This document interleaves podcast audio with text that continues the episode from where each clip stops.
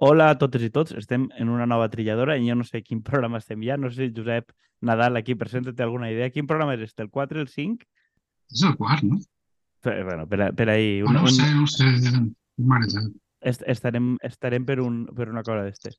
I, mm. bueno, avui, com ja l'altra setmana ja vam parlar de, o sea, mucho tiempo a, abans de que foren totes les investidures, ja vam estar parlant de, de pactes i de mogudes, jo feia temps que volia portar a un amic, Arturo Puente, que molts el coneixereu, bueno, és periodista del diari, navarrès, moltes coses, però, entre altres coses, també eh, és un pobre desgraciat que li toca cobrir Catalunya i la política de pactes, eh, que és el, el, el, seu, el seu patir en la vida.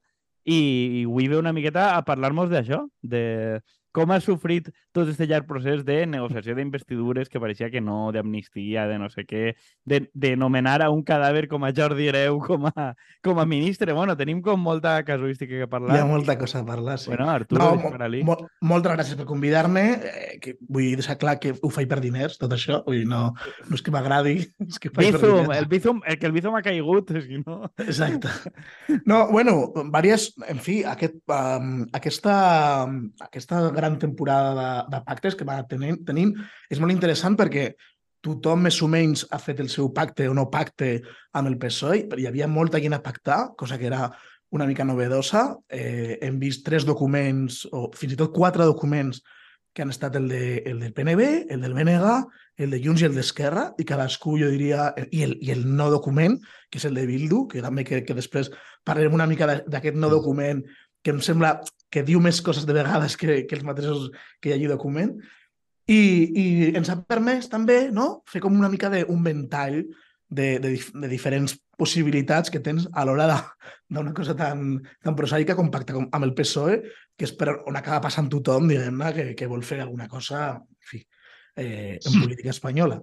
Um, I una de les grans, per començar per algun lloc, eh, una de les grans obsessions que jo tinc i que jo crec que, a més a més, ha de ser una mica central del pensament de qualsevol idea d'esquerres o més o menys de, de, de millorar el món, eh, a l'estat espanyol, és com si hi ha una possibilitat de pactar bé amb el PSOE. És a dir, i fins a on es pot arribar en aquest pacte amb el PSOE, que ja crec que més o menys tothom ha assumit que no es pot fer una altra cosa, diguem-ne, en fi, podríem parlar d'altres experiències, però més o menys tothom que està aquí jugant en, aquesta, en aquest camp de lloc ha entès que ha de pactar en el PSOE eh, i, per tant, quins són els límits i quines són les potencialitats o quines són les, les formes de, de pactar millor. Una de les coses primeres, per, per obrir lloc, eh, que jo, que jo m'ha sorprès molt és que eh, el pacte de Junts per Catalunya i el d'Esquerra Republicana, que eren dos pactes clarament havien de competir entre si, tothom sabia que,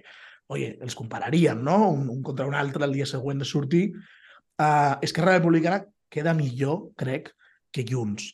En part per una, per una mica de trampeta, i és perquè ells fiquen tot això de l'amnistia que jo crec que és clarament més patrimoni de Junts que no d'Esquerra, tot i que és patrimoni en realitat del moment polític, crec, però, però és cert no?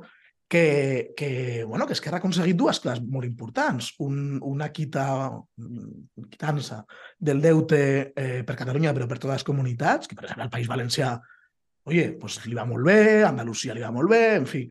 I després tot el tema de Rodelies, que més enllà, que no és un traspàs integral de Rodelies, si podíem parlar molt, perquè això s'ha escrit molt i molt, però crec que és una fita eh, molt important. Tot això, evidentment, dintre, dins del, del, del trist terreny de l'autonomisme, evidentment, dins de... Anar a regatejar competències petites. Eh, després, com ve el PNB i fa també la seva trampa, que un hil de la xistera sempre és el mateix, que és anar a sempre negociar... Ai, perdoneu la veu. Sempre negociar una mica el, el mateix per aconseguir després una estabilitat al País Basc que li permet anar, anar governant. I això ho enllaço amb el que ha passat amb Bildu. No? Uh, Bildu té un objectiu a la vida, un de sol, i és una cosa que, a més a més, li costa molt d'entendre als, així, als opinaires o als analistes madrilenys, no? Eh, consideren que Bildu és una cosa una mica rara. Bildu té un objectiu a la vida, un de son, que és poder arribar a la lendacaritxa de la mà o amb el suport o amb la connivència del PSE. I que si, i que si el PSE els diu que no, eh, que sigui molt, molt, molt car pel PSC, que tothom tingui clar que el PSC ha fet una cosa molt estranya i li ha donat la, el govern basc al PNB pel que sigui, perquè no són d'esquerres i perquè són fills de puta. Aleshores, uh, això, és a dir, no li posaran cap problema a investir a Sánchez i si necessita diners per, per bombardejar Guernica, doncs, pues, oi, escolta, què hi hem de fer? Perquè l'objectiu no és un altre que eh, l'objectiu autocentrat del País Basc, que pot semblar millor o pitjor, però que és el seu i que no tenen un altre. I allí almenys és un govern que té diners per gastar. Vull dir que també, que també a diferència de el de Catalunya o el del País Valencià, és un govern de, de veritat europeu que pot invertir en coses, no? Josep, sí, sí. Per, per on li tires tu? No sé si... si bueno, eh, bueno, una cosa que no, no, no me, fins així no m'arriba, això de que parlem abans, presentamos que som animals de xarxes una miqueta, no? sí que m'arriba molt el haterisme de, dels seguidors o, o votants o potencials votants de, de Junts i d'Esquerra Republicana sobre els pactes i, bueno, i de compromís i tal, que després parlarem. Però no m'arriba sobre el tema dels bascos, no? sobre el tema de Bildu PNB, exactament, perquè, clar, costa molt, no?, de que eh, un grup parlamentari com de l'esquerra Berxale eh, era com que si estiga demanant de baix, no? estiga donant de baix el, el seu vot la cosa costa molt d'entendre, fins i tot alguna gent estava parlant ara del tema de com has pogut fins i tot deixar que hi hagi un ministre com Marlaska, no? Eh, per un costat d'això i per l'altre costat, pues, bueno, igual que han fet, per un costat, pues, és bastant curiós que no parles de sumar ni de, ni de Podemos, de què han fet per a negociar, perquè és evident que hi ha hagut un poc repartiment del, el que es diu repartiment del pollastre, eh, es diu el País Valencià des de l'època de Zaplana i, i Lisondo. I, i per l'altre, pues, pues, que tampoc es parla de compromís, el qual pues, tampoc no m'estranya quan no, i votar de compromís no m'estranya massa, eh, però bueno, que sí que és curiós, no? perquè els dos diputats que li haurien pogut dir a Pedro, Pedro, Pedro contigo no, demana Bascal ja està. Els dos diputats valien per això i no, no s'han gastat, no? Eh, bueno, un poc aquestes coses, no? I, i, que, i que sí que sembla que, que un poc el centre de, de qui està eh, traient més o menys partit està entre aquesta competició que tu has comentat al principi entre Esquerra Republicana i Junts, que sí que n'hi ha una certa competició per oferir als votants qui dels dos està fent bé la feina de, a l'hora de negociar el PSOE, no? perquè sí que n'hi ha una part dels votants de Junts no? que qualsevol negociació seria dolenta, no? Però al mateix temps, clar, com aquesta gent també han fet una campanya de d'abstenció, pues bueno, els resultats ja estan ahí. O sea, el que, el que no s'ha abstingut i ha votat, pues més o menys ja sabia que això podia passar. No sé com veus tu si realment eh, els partits catalans són realment els, els únics que eh, estan traient una miqueta de partit a, a les negociacions. Sí, tinc la sensació, quan parlava abans de, quan parlava abans això, no? de, de què s'ha de fer per negociar bé, si, ha, si és possible això de negociar bé amb el PSOE i de treure-li tot el suc possible, no? Què és, què és lo més... O sigui, què ha funcionat i què no... Jo crec que una cosa que ha funcionat bé... Hi ha diferents coses que han funcionat bé. Ja dic, lo de, lo de Bildu, no? Pues, centrar-te en lo teu i que te sigui igual i pràcticament de bades, no? Que deies tu, que, escolta, jo donaré els vots i adeu, no em preguntis per què, però perquè tinc un objectiu per darrere, que és el tema de l'Helenda Caritxa, a Vitoria, i en parlaríem, no? Però una de les coses que jo crec que és, que és, molt, que és molt evident és que si tu tens un electorat que no et perdonaria de cap de les formes, que no pactessis amb el PSOE, doncs ja està, estàs entregat, diguem-ne. És a dir, mm, sumar i, i no sé, a compromís és, és diferent i és més complex, eh?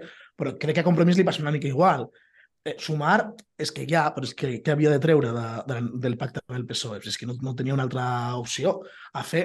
I és una mica, de fet, el que li passarà a Podemos. Podemos pot picar molt de, de, no? de, de peus a terra i pot emprenyar-se molt, i, però no sé si el seu electorat arribaria fins al punt de tombar un govern d'esquerres. Llavors, mmm, tu te pots emprenyar, però les coses arriben on arriben i, i, i si no estàs disposat... Ara, què és el que sí funciona una mica o té, no? té la cosa aquesta de, de, poder, de poder funcionar. És quan el, tu al teu electorat li dius no, no, el meu electorat, sí, o sigui, tu l'electorat li dius jo podria tombar el, el govern aquest si no em dona el que vull. És a dir, el meu objectiu no és mantenir aquest govern, sinó que, el, el, que, bueno, aconseguir un seguit d'objectius. No?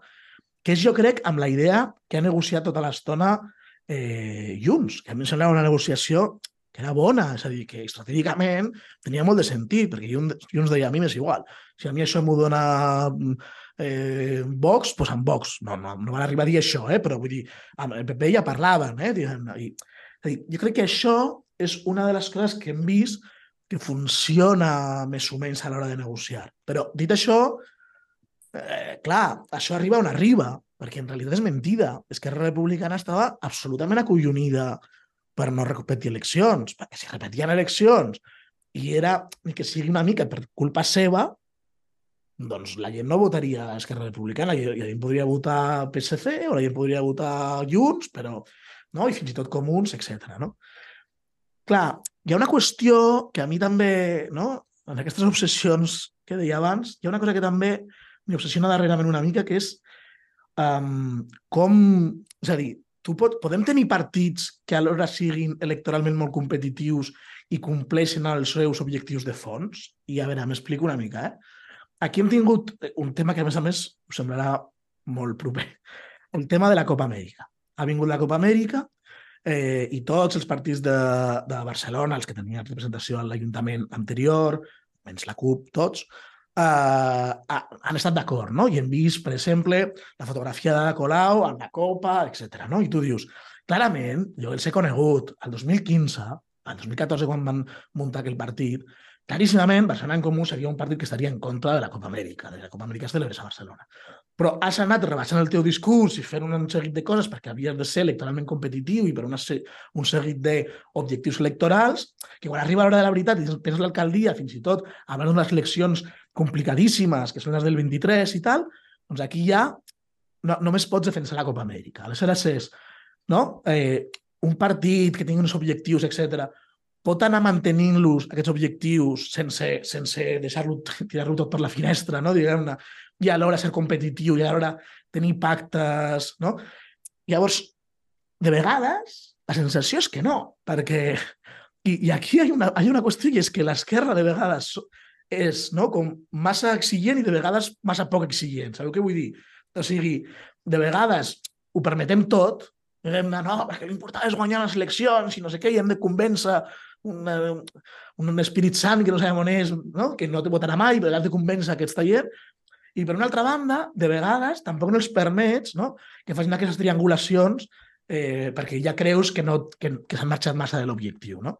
I en aquesta, en aquesta dicotomia, que jo no sé molt bé on posicionar-me, sí que veia això, sí que veig que eh, li demanes a Esquerra que sigui molt exigent amb el PSOE, però alhora també que no els deixi caure, però alhora també que els doni suport durant la legislatura, però alhora també que no s'oblidi massa del, del seu objectiu i, per tant, una mena d'esquizofrènia que ben bé de vegades no, no sabem com aterrar.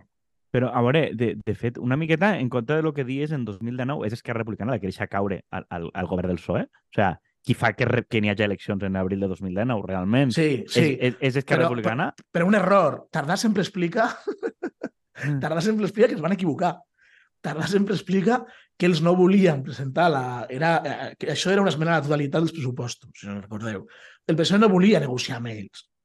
I ells, per, per com forçar la màquina i per intentar que negociessin amb ells, no volien negociar, vol dir no volien seure's eh, amb ells. Un, uns pressupostos que el PSOE pensava que Esquerra els havia de, de votar així sense tal i ja està. I llavors eh, eh, Esquerra fa com un cop de força i, i presenta una esmena a la totalitat no? als pressupostos. I llavors això ells pensaven que això faria que el PSOE seguís a la taula i això motiva que el PSOE digui me'n vaig a eleccions. I, es, I tardar, jo he parlat amb ell després molt de, moltes vegades, i sempre ho diu, que si ell hagués sapigut que anàvem a eleccions no hagués posat mai aquesta... No Però va anar bé, no? Sí? Es va anar bé, no? No es va anar malament, no es va anar malament. No es va anar malament. A veure, de, de fet... O jo, sigui, jo vaig ser dels que es vaig criticar, eh? Jo recordo haver-los criticat també per això, perquè tenien també molta por a Vox i el que poguera passar i tal, i... però sí que ara mirat amb el temps, pues sí que, hòstia, fan ja, a veure, cre, cre, estava mirant les, les xifres mentre ho dies, o sigui, van passar de 9 diputats a 15, és a dir, eh, no sé, evidentment hi ha una part que és el moment històric o el que siga, però dir, en un moment que van plantejar un pols tal, i després, després de quatre anys de suport parlamentari del PSOE, estan en set, si no m'equivoque. És a dir, eh, han passat moltes més coses, evidentment, vull dir, és una simplificació, però vull dir, s'han fumat la meitat de la seva representació donant suport a canvi de Sí. bueno, tampoc han aconseguit ben bé res. És a dir, que claro, tam també és una qüestió que tu et lligues, en teoria, perquè vas a aconseguir coses concretes, no n'aconseguixes i, diguem, cada volta estàs més lligat. El, el cas de compromís és, pa és paradigmàtic una cosa que a les enquestes, no? I, i, i el que et diuen, de que el votant de compromís i el votant de Podemos, fins a cert punt, vol que s'arrossegui el PSOE a fer més polítiques d'esquerres, però al mateix temps que no es posa en perill el govern. Sí, I a sí, més, sí. et de, o sea, te ho diuen, demoscòpicament, Sí, sí, sí, sí, les dues coses alhora. Alhora, I, Sí, sí. Els mateixos, sí. És ma eh, la, exactament la mateixa gent. Aleshores, sí. eh, clar, ahir no ahir no n'hi ha un manual, el que sí que crec que diguem, empíricament sabem, és que, diguem, com més t'acostes, diguem, a, aquest marc de la negociació i tal, a, a tu electoralment no et va bé. El beneficiat Clar. sempre, estadísticament, sempre és el PSOE. No sé. I després, no, no sé què us sembla això, eh? però una altra cosa que em, sembla, que em fa molta gràcia són els incentius que tu tens quan comences una negociació, sempre, i una negociació sobretot que, que tu és el que ha de donar suport no? a coses. És a dir, i quan comences a fer-ho, no? en una relació d'aquestes de jo dono suport a X per un govern, el que sigui.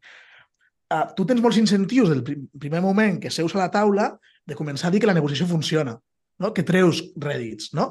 Llavors, per poca cosa que treguis, sempre ho vens millor. Això ha passat amb Esquerra claríssimament, tot i que jo soc de les que, els que pensa que, home, un canvi al, al Codi Penal, els indults i tal, en fi, són coses grosses, no, no, són, no són coses definitives ni molt menys, però tampoc no seria, no seria res, però és veritat que Esquerra Republicana tota l'estona ha volgut vendre com que això era hòstia i que ho tenien tot lligat, i, en fi, no, no és veritat. Però fins i tot a Junts l'ha passat pràcticament al primer moment eh, de seure's a la taula. El primer dia que Álvarez, sí, el ministre d'Exteriors, demana a la Unió Europea per carta que comencin a fer una tramitació sobre el català a Europa, que ja veurem, que té una pinta malíssima i que, que Dios dirà, saps què et vull dir?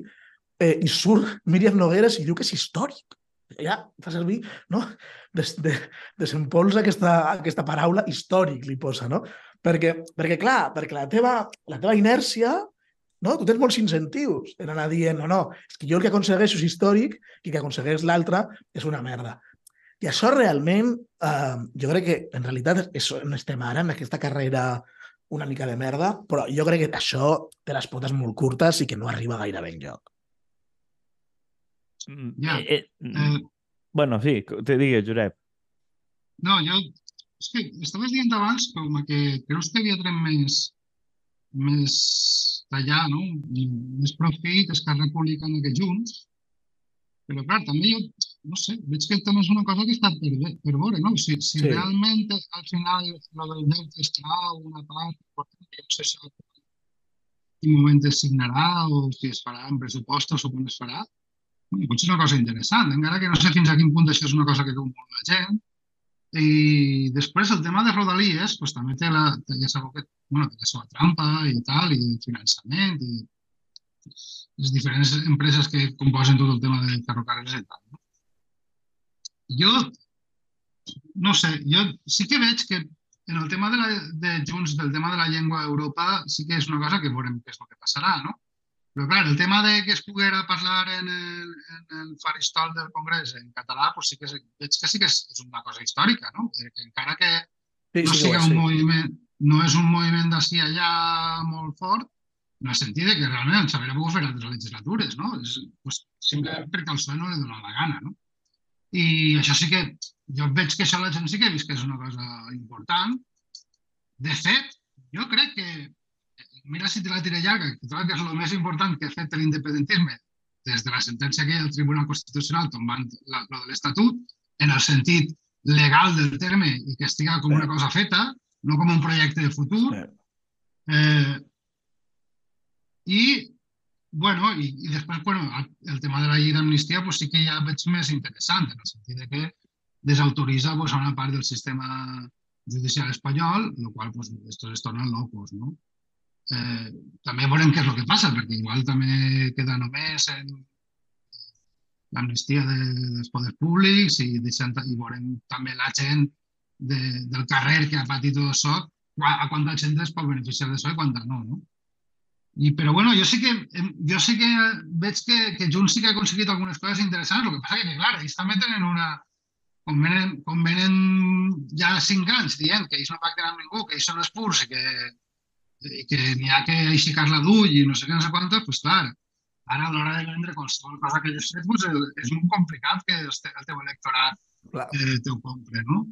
I per altre costat, jo sí que volia parlar de, en Esquerra Republicana, una cosa que, que encara, jo crec que fins i tot la gent que són votants i la, i la gent que segueixen eh, l'estratègia Esquerra Republicana de pactisme amb el Partit Socialista i tal, durant tots aquests anys ha sigut el tema de la taula de negociació. No? I jo crec que això també és una cosa que per almenys m'ha fet una miqueta de vergonya aliena cada volta que s'ha parlat del tema, no? perquè de tu escoltaves parlar i veies que l'únic que buscaven era la foto, no? I que ells mateixos sabien que no anaven a treure res, però t'ho van estar venent ells i els seus opinadors en les tertúlies com si fos una cosa eh, superimportant a nivell mundial i el pacte de claretat i no sé què. I jo dic, bueno, aquesta persona m'ho està contant això i jo crec que no se'l creuen ells mateixos, no?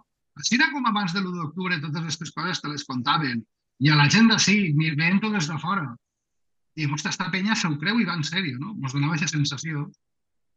Lo, lo de la tragèdia i la farsa, no? Després és que ara ja, cada volta que el compten en una pel·lícula d'estes, hòstia, que no t'ho creus, clar, lo de l'amnistia sí, perquè és una qüestió de gent que se malta l'ego i, i ells mateixos, els que estan negociant, són els que van al, els que poden anar al talego, no? Llavors veus que això és una cosa que sí, però clar, tota la resta, eh, al final dona un poc la sensació que la política catalana ni, no és massa creïble eh, quan es posen damunt de la, de la, de la taula alguns temes per a negociar.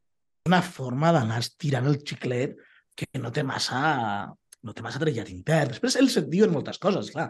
Quan els part... Perquè nosaltres, jo estic cada dia en les rodes de premsa del govern, diguem, amb, amb, amb aquesta gent, i vas preguntant, els vas dir, oye, escolta, això de les taules de negociació n'hi ha prou, no? Dir, no té... I ells diuen, no, és on es negocien mesures pues, com el, com el, la modificació del Codi Penal, o on es van, on es van negociar els indults, o on es van... Bueno, el que vulguis. La, veritat, la realitat és que té molt poc trellat i es veu, que té molt poc... I que, a més a més, no necessites una taula de negociació amb tota la pompa i circumstàncies si has de negociar un, un canvi del Codi Penal. Si és que això és una negociació pràcticament de, de grups parlamentaris, vull dir, al cap i a la fi. En fi. De, de fet, ara, fixeu-vos com està la cosa. Jo no sé si la gent, si a la gent li arriba, eh? però ara mateix se suposa que hi haurà tres taules. Una taula entre governs, una altra taula partit d'Esquerra amb el PSOE, amb un mediador internacional i no sé què. Perdó. I una altra taula, PSOE i Junts, també amb un mediador internacional. És a dir, hi haurà dos mediadors internacionals en dues taules diferents, negociant el mateix. És un carajal.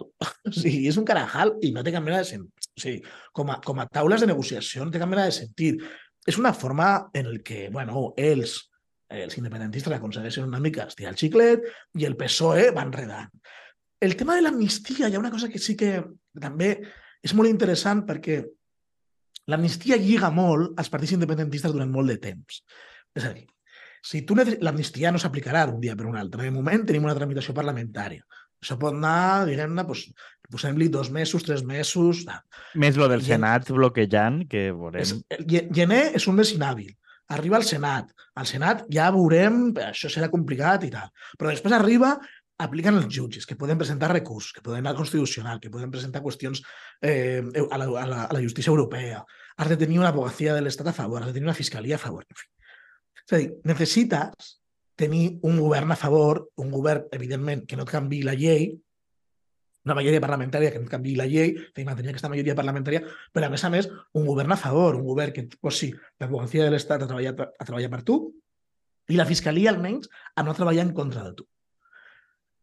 Si vols que l'amnistia s'apliqui de forma extensible, si al final vols que l'amnistia sigui pels quatre, no sé què, doncs ja te valdria. Però fins i tot en aquest, en aquest escenari tens l'independentisme lligat en aquest govern, no, no sé, és difícil posar la data. Dos anys, no. vamos. Sí. sí, un anyet i mig ben bo. Clar, i això, eh, quan els, quan els partits independentistes diuen això ho, ho repeteix Aragonès, per exemple, però ho repeteix Turul, ho fan els dos. Ara mateix el govern depèn de nosaltres. Tenim més força que mai, perquè si volem le deixem caure. El problema és que no voleu deixar-lo caure ni voldreu mai. Eh, de moment, no? fins que això no, no s'apliqui. Per tant, sí, molt bé, de què, de què et serveix tenir la força per, per matar algú si mai no el vols matar? Per raons òbvies, perquè et beneficia que estigui aquest govern en, en el poder. I per tant, i això, clar, és veritat que això no li treu força a l'amnistia. O sigui, jo crec que l'amnistia, Ho diu Josep perfectament i estic molt d'acord. És un esment fortíssim a tota la, la resposta judicial que pensàvem que no tenia aturador.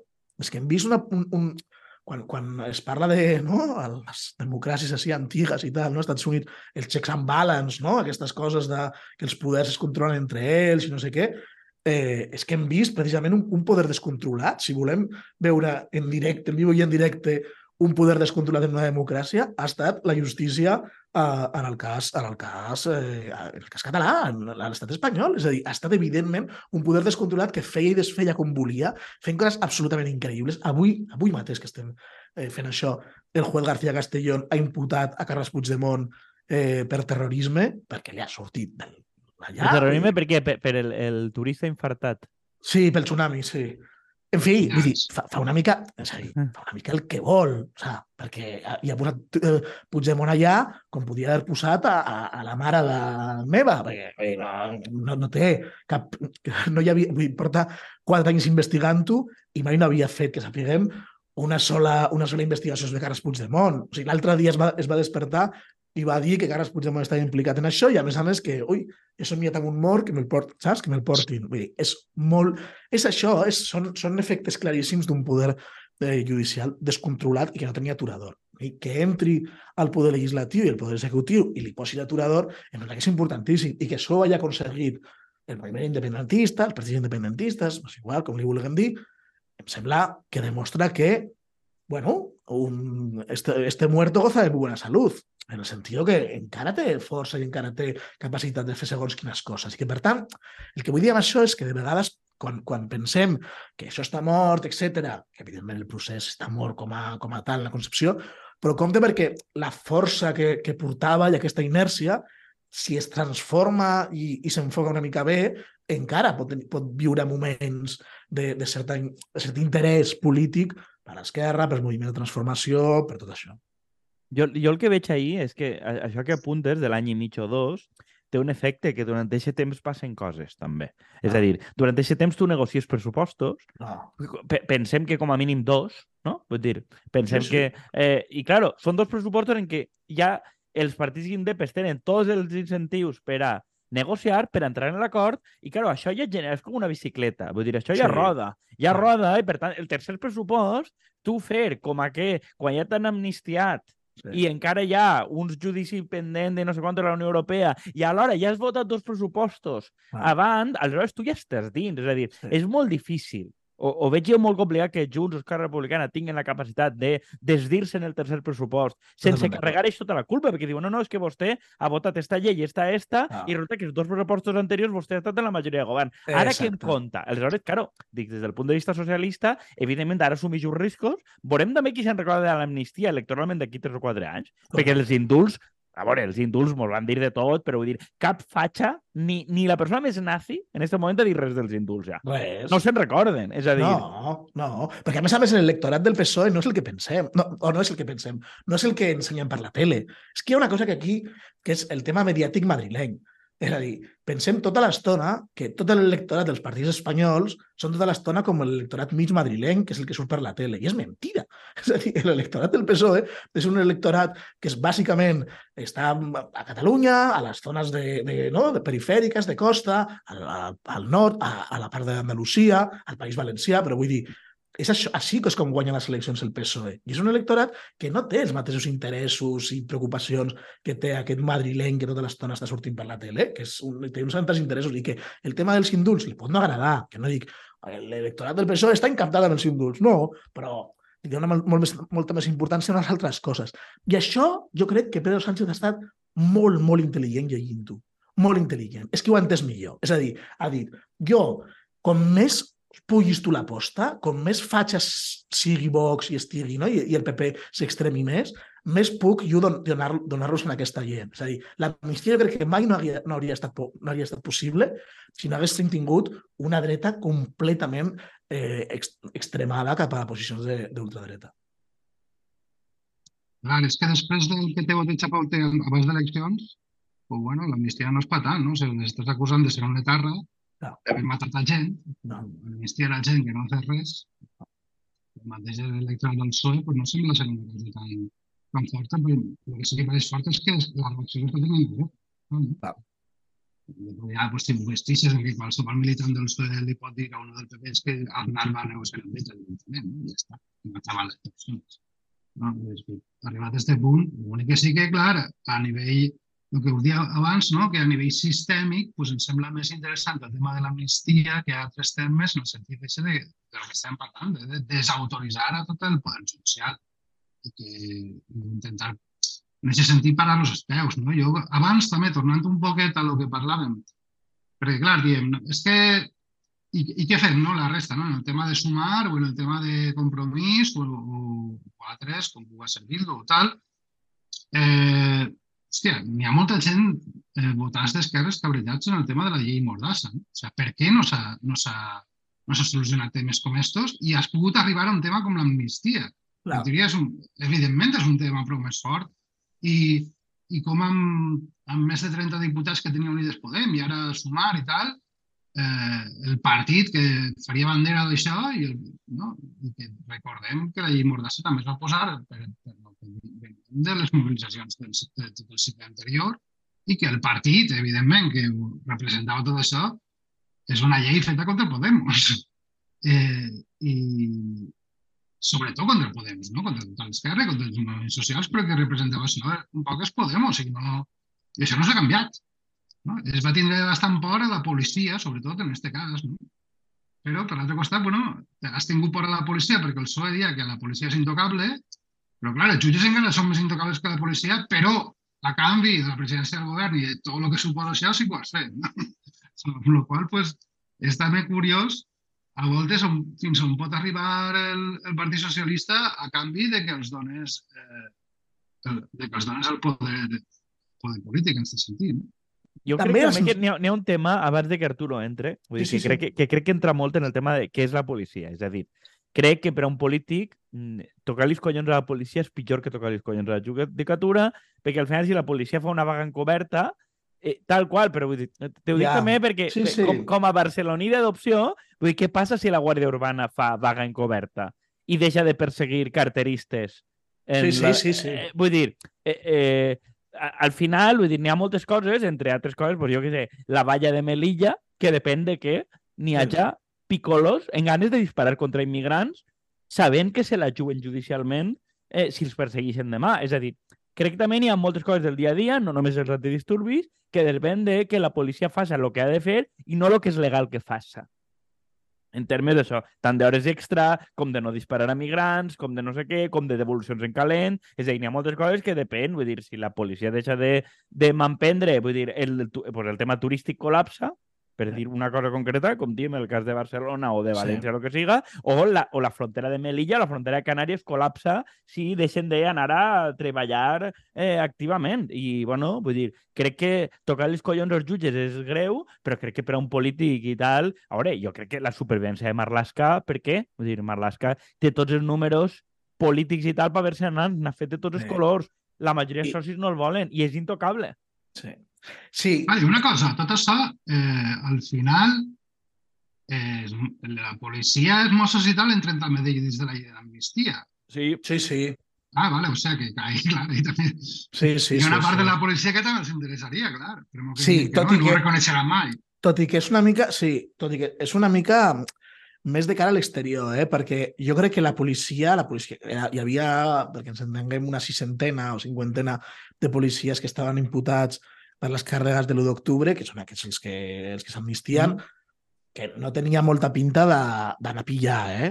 Ah, no, això està clar. La veritat és que... els indulten, això I el, i, el, I el jutge que l'havia tocat, que era un jutge d'aquí, que no és cap jutge de cap tribunal al tribunal, sinó que era un jutge d'aquí i tal, tenia interès, ha fet diligències interessants, vull dir que no ha investigat i tal. Però jo crec que ell sabia que quan arribés això una mica en fase ja de judici, la fase d'instrucció estava ben feta, però que la fase de judici no tenia pinta d'anar a patir molt aquests, aquests policies. Però dit això, és, dit això, és veritat que és un reconeixement no, d'aquesta cosa de l'amnistia de ni pa ni pa mi.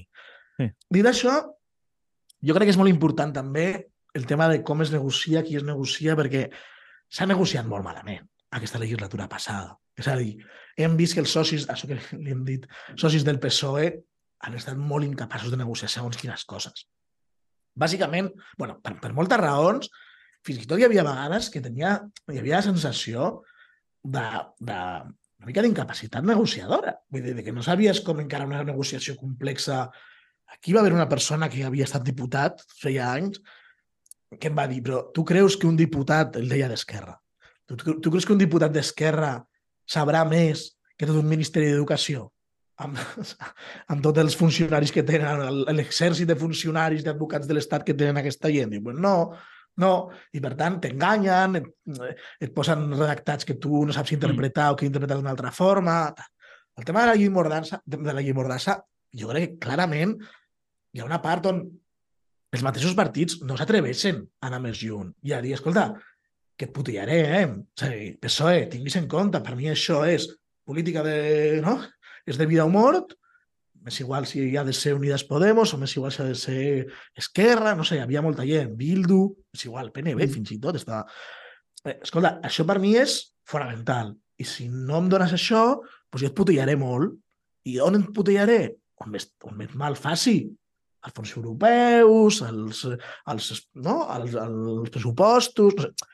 Hi ha hagut tota l'estona la cosa aquesta de cada vegada que algun soci del PSOE feia un vot que no estava alineat amb el, amb el, no? amb el bloc progressista, diguem-ne, oh, què ha passat, que dolent, s'havia d'explicar moltíssim, i no han pogut sortir d'aquesta lògica, que era una lògica imposada pel relat mediàtic del PSOE, que és molt fort, però que tu has de saber també, o has de tenir eines, o preparar-te una mica per poder-te escapolir una mica, eh, que si no, eh, al final, clar, sí, doncs llavors anem com un, com un sol bloc i ja està. Jo crec, per exemple, que això, durant el tema de la reforma laboral, va ser molt evident. Hi va haver un moment on fins i tot qui no volia que es parlés gaire de, de, de, de millorar la reforma laboral era el propi Suma, era el propi, en aquell moment era Podemos, era el, la pròpia Yolanda Díaz. És a dir, li, li molestava molt que, que els partits d'esquerres li diguessin oye, hi ha un seguit de coses que s'han de millorar, perquè ella apel·lava als consensos que havia arribat en la patronal, que eren molt importants, jo estic segur que era molt important. Eh? Tenia el PSOE ja en una posició de la que no es podia moure, tenia els sindicats, tenia la patronal, jo estic segur que eren molt importants. Perquè moltes vegades aquí aquesta desunió i aquesta picabaralla entre, en aquell moment va ser Esquerra i Bildu, podrien haver estat els altres, Esquerra i Bildu contra, en aquell moment, Unides Podemos, va ser molt absurda i, i, i va ser com una... O sigui, tu mateix t'estàs reventant la posició negociadora, no només en la reforma laboral, que és important, però, bé, en fi, és important, però, però que hi ha més coses importants a la vida, però t'estàs reventant la posició negociadora en tot. O sigui, t'estàs reventant la posició negociadora al llarg de la legislatura en tot, perquè si el PSOE sap perfectament que tu estàs barallat i que tota l'estona, cada vegada que un digui bueno, no creieu que això s'hauria de fer una mica més d'esquerres, sortirà els altres a dir oye, que això em deixa malament a mi, eh? si ho fas més d'esquerres tu. pues, pues estem molt fotuts amb això. Vale, eh, una miqueta, sí, una intervenció més, però per anar tancant, eh, també eh, la perspectiva de on queda la política catalana ara. És a dir, que, dir, que mm. tenim un context de, pues això, no? Vull dir que el PSC està més fort que mai, vull dir, per, sí. per, per, sense haver fet absolutament cap mèrit. Simplement, cap mèrit, sí, sí. La, la, la resta, no? Eh, la CUP està en la UCI, Sí. Eh, I Esquerra i Junts, vull dir, estan, han tornat a un carril, és a dir, que estem de nou a 2010, sí. quan Convergència i Esquerra Republicana li van salvar el cul a Zapatero, és a dir... Sí, ojo, eh, estem en 2010 amb la meitat de suports, perquè, perquè això, o sigui, el 2010, entre Convergència i Esquerra, tenien una majoria absoluta que no sé què. Això també, i ara mateix estan absolutament barallats entre si. No, no sé, si vols acabar, però ho tiro, eh? No, no, tira, tira. És, és no. un a, a, a, a on els deixa dos hora, vamos. Sí, hi ha una cosa que és molt evident, que és que s'odien, no? Hi ha un odi que no és ideològic, entre Esquerra i Junts, hi ha un odi que no és una discrepància ideològica. Sí, això ho podem vestir de discrepància ideològica, si volem, i segurament hi ha matisos eh, estratègics, ideològics, el que vulguis. Però ara mateix el que s'ha vist en aquests pactes darrers és que no hi havia una diferència estratègica tan, tan grossa. No, no hi havia. El que hi ha és pues, una incompatibilitat pràcticament personal. Oye, no te aguanto i no puc estar amb mm. tu i no... ja està. I això és molt pueril. És a dir, és, és molt de... Oye, si et passa això, això et pot passar, eh? En una organització o en, un, no sé, en política, en una institució, això et pot passar. Però si et passa això, el millor que pots fer és tirar les, persones, les persones que els hi passa això. i relevar-les, perquè això és molt pueril, no pot ser. És a dir, escolta, si Pablo Iglesias no s'entén amb Yolanda Díaz, doncs o sobre Pablo Iglesias o sobre Yolanda Díaz o sobre un d'ells. M'explico el que vull dir, que no pot ser és que l'animadversió personal sense una discrepància estratègica te porti aquí. Això, això els mata, als partits independentistes. Això els, els porta a un carrer sense sortida on el PSC guanya passi el que passi. Cada vegada que es foten una polleta o es foten una hòstia o una, una altra, el PSC suma vots, perquè, evidentment, amb aquests tios no es pot anar a cap lloc i el PSC és l'únic partit de l'estabilitat de Catalunya. És que el PSC té una mica de, compl de complicat sumar una majoria. L'altre dia el CEO, és el, el, el sondeig aquí de, de la Generalitat, els donava 45 diputats, que és exactament un terç dels diputats. 45, 45, 90, sí, un terç dels 135 que hi ha al, al Parlament. Aleshores, necessiten altres 45 per tenir majoria absoluta, o bueno, altres 45 no, però altres pràcticament 20 i escaig per tenir majoria absoluta. I això, home, eh, no és fàcil d'aconseguir, no? És a dir, perquè ja veuríem si no pactes amb un independentista, que això pot ser, però clar, quin és l'independentista que li posarà el cascabel al gato? En el sentit que te, te, et lligues el teu futur a, a, un, a un govern que serà del PSC i que el PSC en aquest sentit no farà concessions independentistes si és un partit molt, majoritari. Més enllà d'això, tinc la sensació que la gent està tornant una mica al, al vot aquest de, a un vot molt, que es m'entengui bé, eh, però un vot molt espanyol, en el sentit de que el gran de, a l'eix del, del, del debat és l'espanyol. Oye, pues, si sóc partidari d'aquest govern, voto més al PSC, i si sóc més contrari a aquest govern, voto més al PP o fins i tot no sé què, saps? Vull dir que l'eix català, l'eix autocentralt català, jo crec que està perdent molta, molta comba.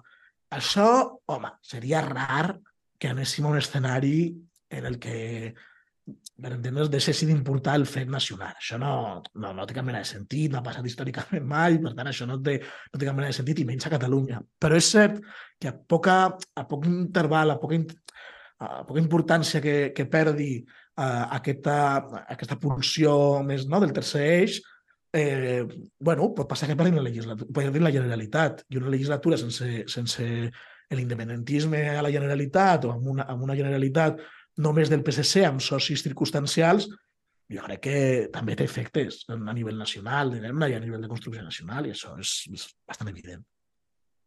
I a nivell de... Eh, clar, perquè sí que n'hi ha una... No sé fins a quin punt va, va ser determinant entre, en aquestes últimes eleccions generals la crida d'alguns sectors a l'abstenció, com l'Assemblea Nacional Catalana i tal. Eh, no sé fins a quin punt aquesta pujada del PSC està condicionat per això? No sé fins a quin punt hi ha sectors independentistes que voten al PSC o, quant, o si és molt, molt que si, alguns diuen que si 700.000 o 800.000 abstencionistes, no sé si, si això és molt. Mira, eh, i quin futur n'hi ha ahí? Quin futur creus que n'hi ha en tot això? No? O sigui, està el de l'extrema dreta, l'Aliança Catalana, o sí. veus que està gent acabarà diluïts els partits on estan? Sí, hi ha una desmobilització independentista evident, evident, quantificable, jo crec que no, no sé dir la xifra exacta, però sí, estava al voltant del que has dit, 250, 200, algú, 300.000. Persones que havien estat votant independentistes i que es van quedar a casa. Però, dit això, són persones que no, és a dir, que no crec que estiguessin només responent a una crida d'això que se'n diu quart sector, no? o quart acte de l'independentisme, que cridava a l'abstenció la, com a vot protesta. Jo crec que era una desmobilització que té molt a veure, bueno, que tu, a tu t'havien cridat a això de la independència, ara la de la independència no apareix, doncs ja em tornarem a cridar, per entendre. És a dir, eren sectors que jo crec que s'havien mobilitzat bastant de cara a la, a la qüestió independentista i que eh, són uns sectors que, si no, eh, bueno, romanen adormits o romanen una mica, no, no adormits, però una mica més passius, sobretot en unes eleccions com les generals. No, al final ja, ja, ja me llamareis.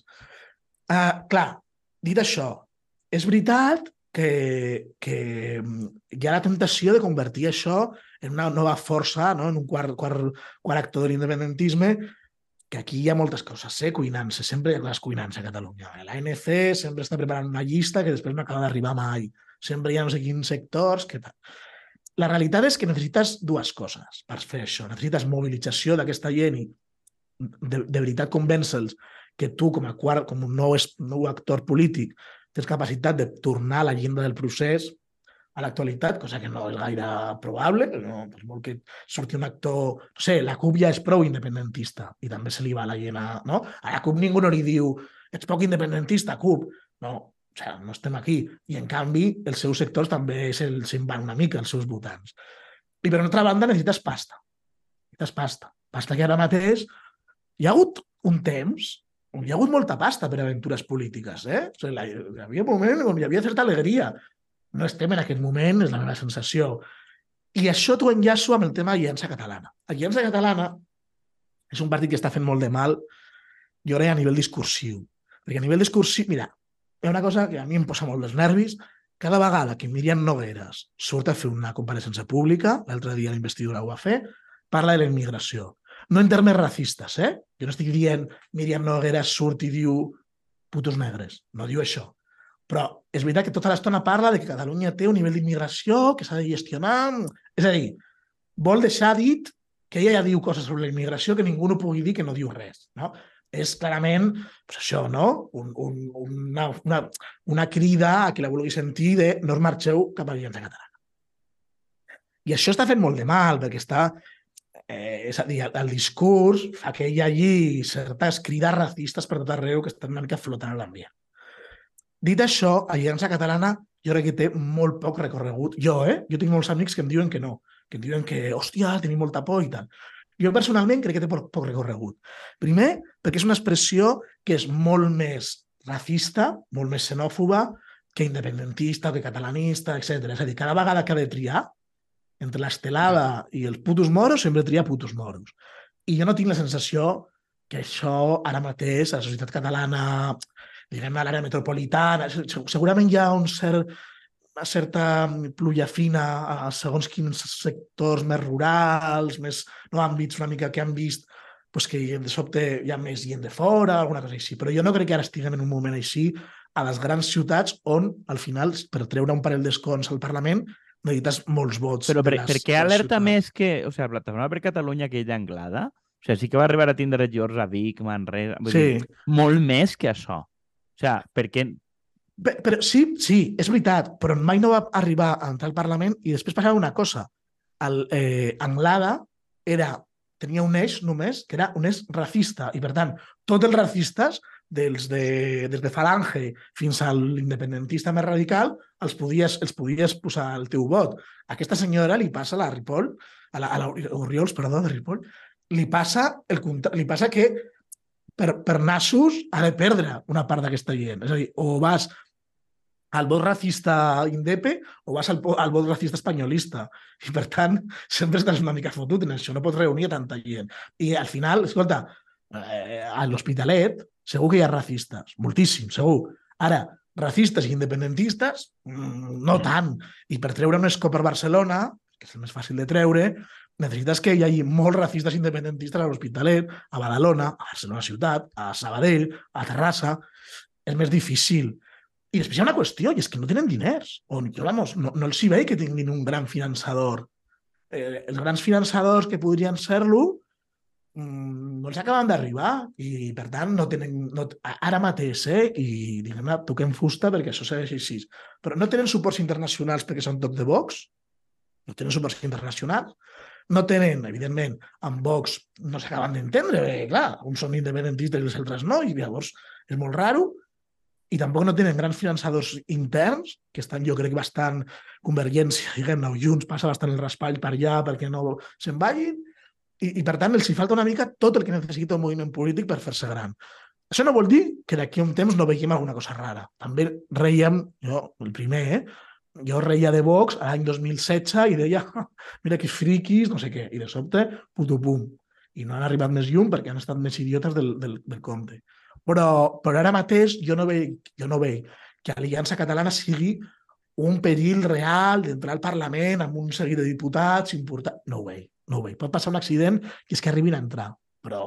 I seria raro, eh, per mi però jo no veig que ara mateix Aliança Catalana sigui un depositari o un, un actor que pugui jugar-li molts vots a l'independentisme.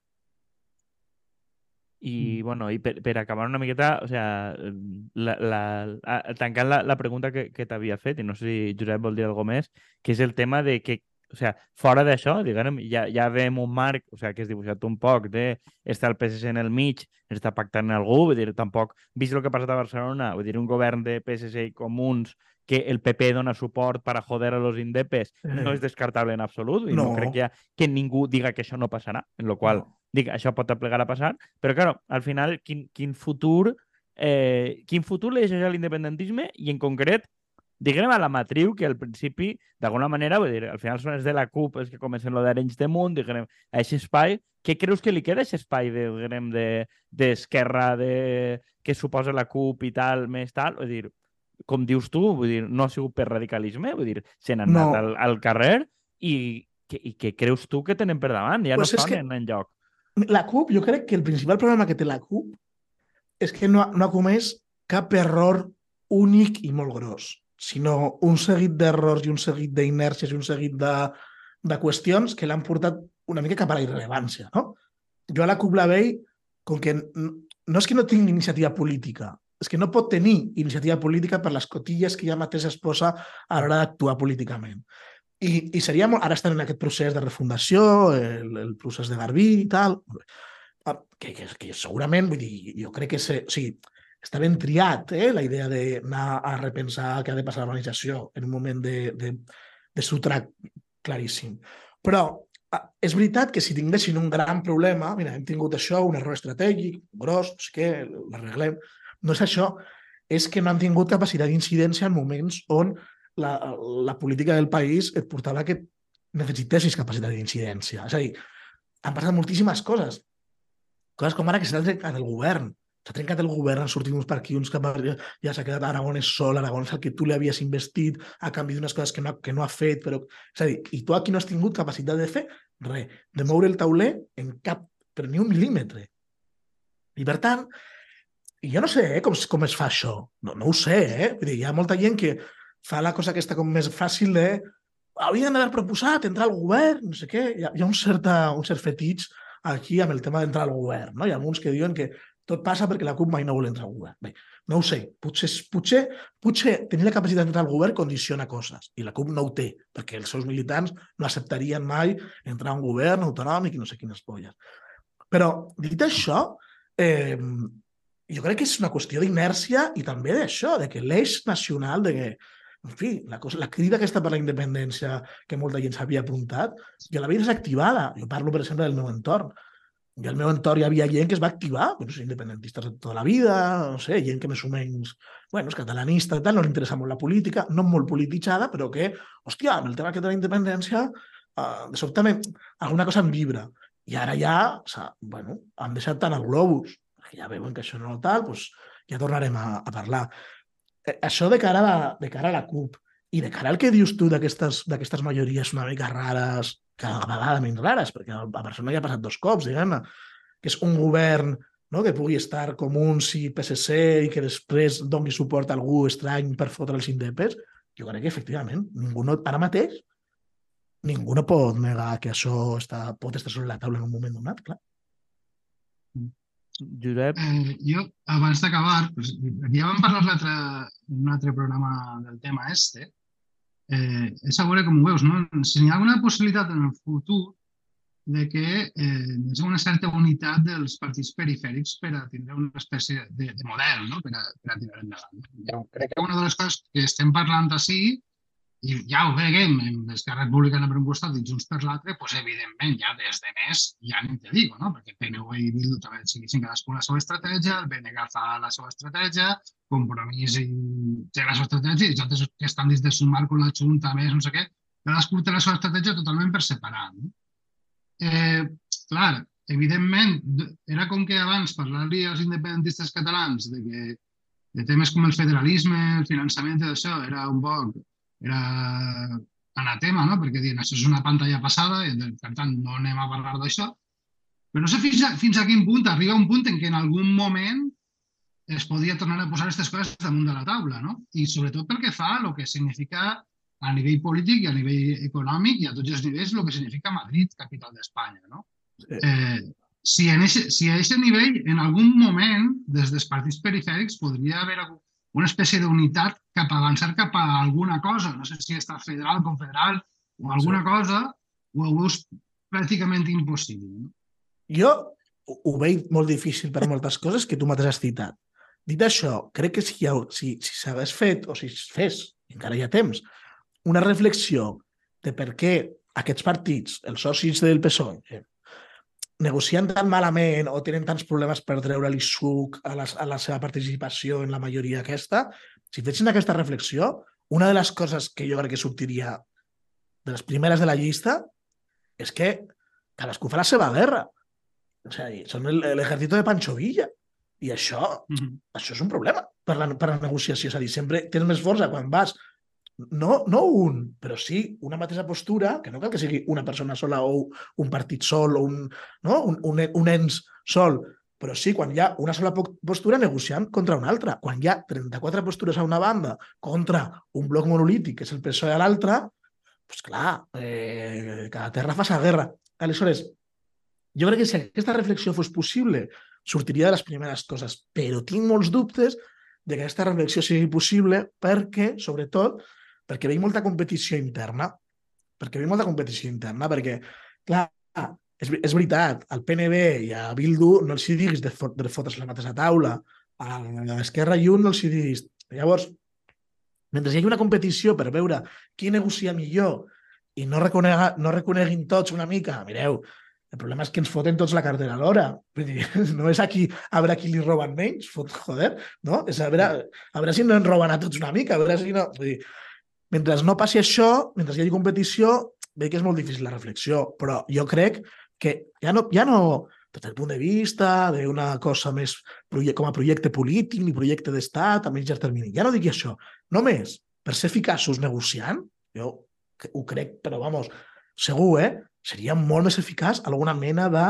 Aquí es va fer en su moment el pacte de la llotja, fa, molt, fa ja quatre anys, em sembla, que hi havia diferents partits, independentistes i soberanistes, etc, que era com una llavor que podia ser, després no ha estat res, eh? després no ha funcionat per res.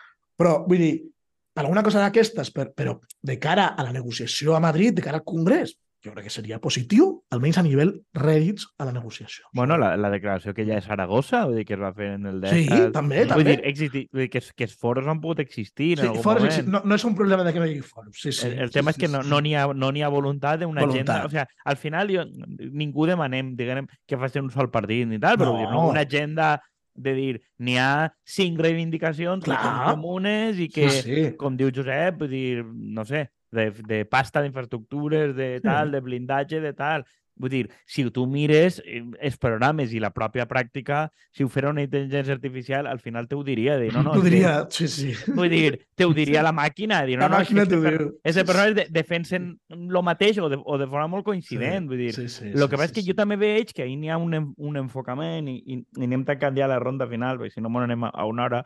Eh, crec que n'hi ha un enfocament de que precisament a tu et voten o tu perceps que voten per la particularitat i no pels continguts. Totalment d'acord.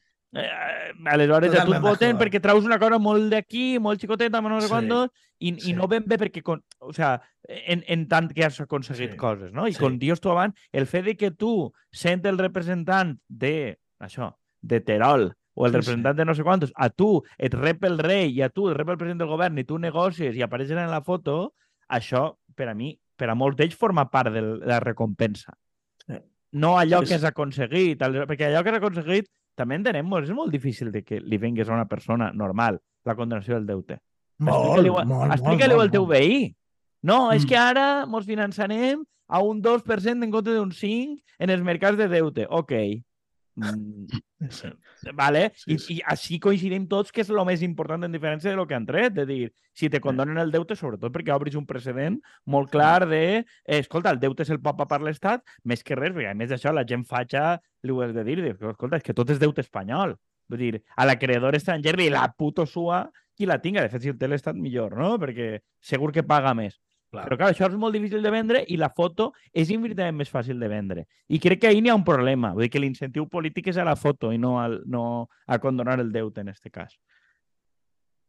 Sí, sí, totalment d'acord. És que no tinc, no tinc gaire cosa a afegir.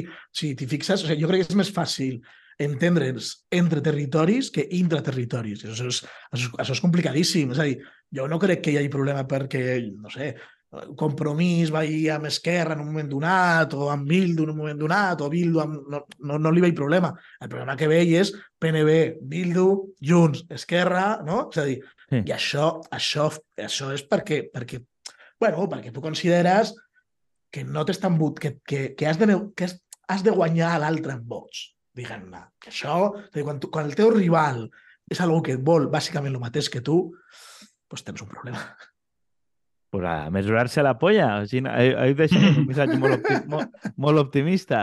Eh, Josep, tanca la intervenció.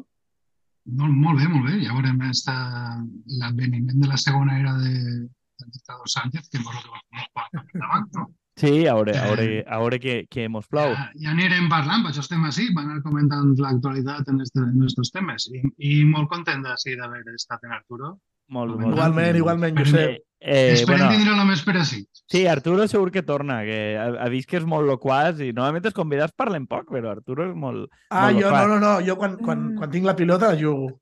molt bé. Arturo, bueno, bé, pots fer una intervenció final i tancar i, i jo... No, no, no, no, res, res, que molt content de que m'heu convidat i a més a més per un... És a dir, per un tema que, que me menjo amb patates cada dia i que tinc molt de temps per anar-ho pensant. Si, si em sí. per, per una altra cosa, poder no, no parlaria tant, però d'això tinc moltes coses a dir. Sí, sí, és que vull dir, aquestes coses al final jo veig que la trates molt el dia a dia, però acabem tenint poc espai per a la reflexió sistèmica de Correcte. què està passant, no? Vull dir, eh, també és una miqueta... El nostre objectiu és parem-nos i, sí, parlem l'actualitat, però distanciem-nos una miqueta i fem un poc de zoom cap en fora i a veure què passa. Pues bueno, crec que això no acaba així, vull dir, com hem dit, ni entre nosaltres ni en Arturo, perquè vull dir, seguirà donant pel cul i estic segur que estarem encara uns anys més parlant dels pactes en l'infame Sánchez. I, bueno, que sí. eh, gràcies a totes i a tots per escoltar i tot això, i ja mos anirem ben. Adéu. Adéu, Abraçada. Adéu.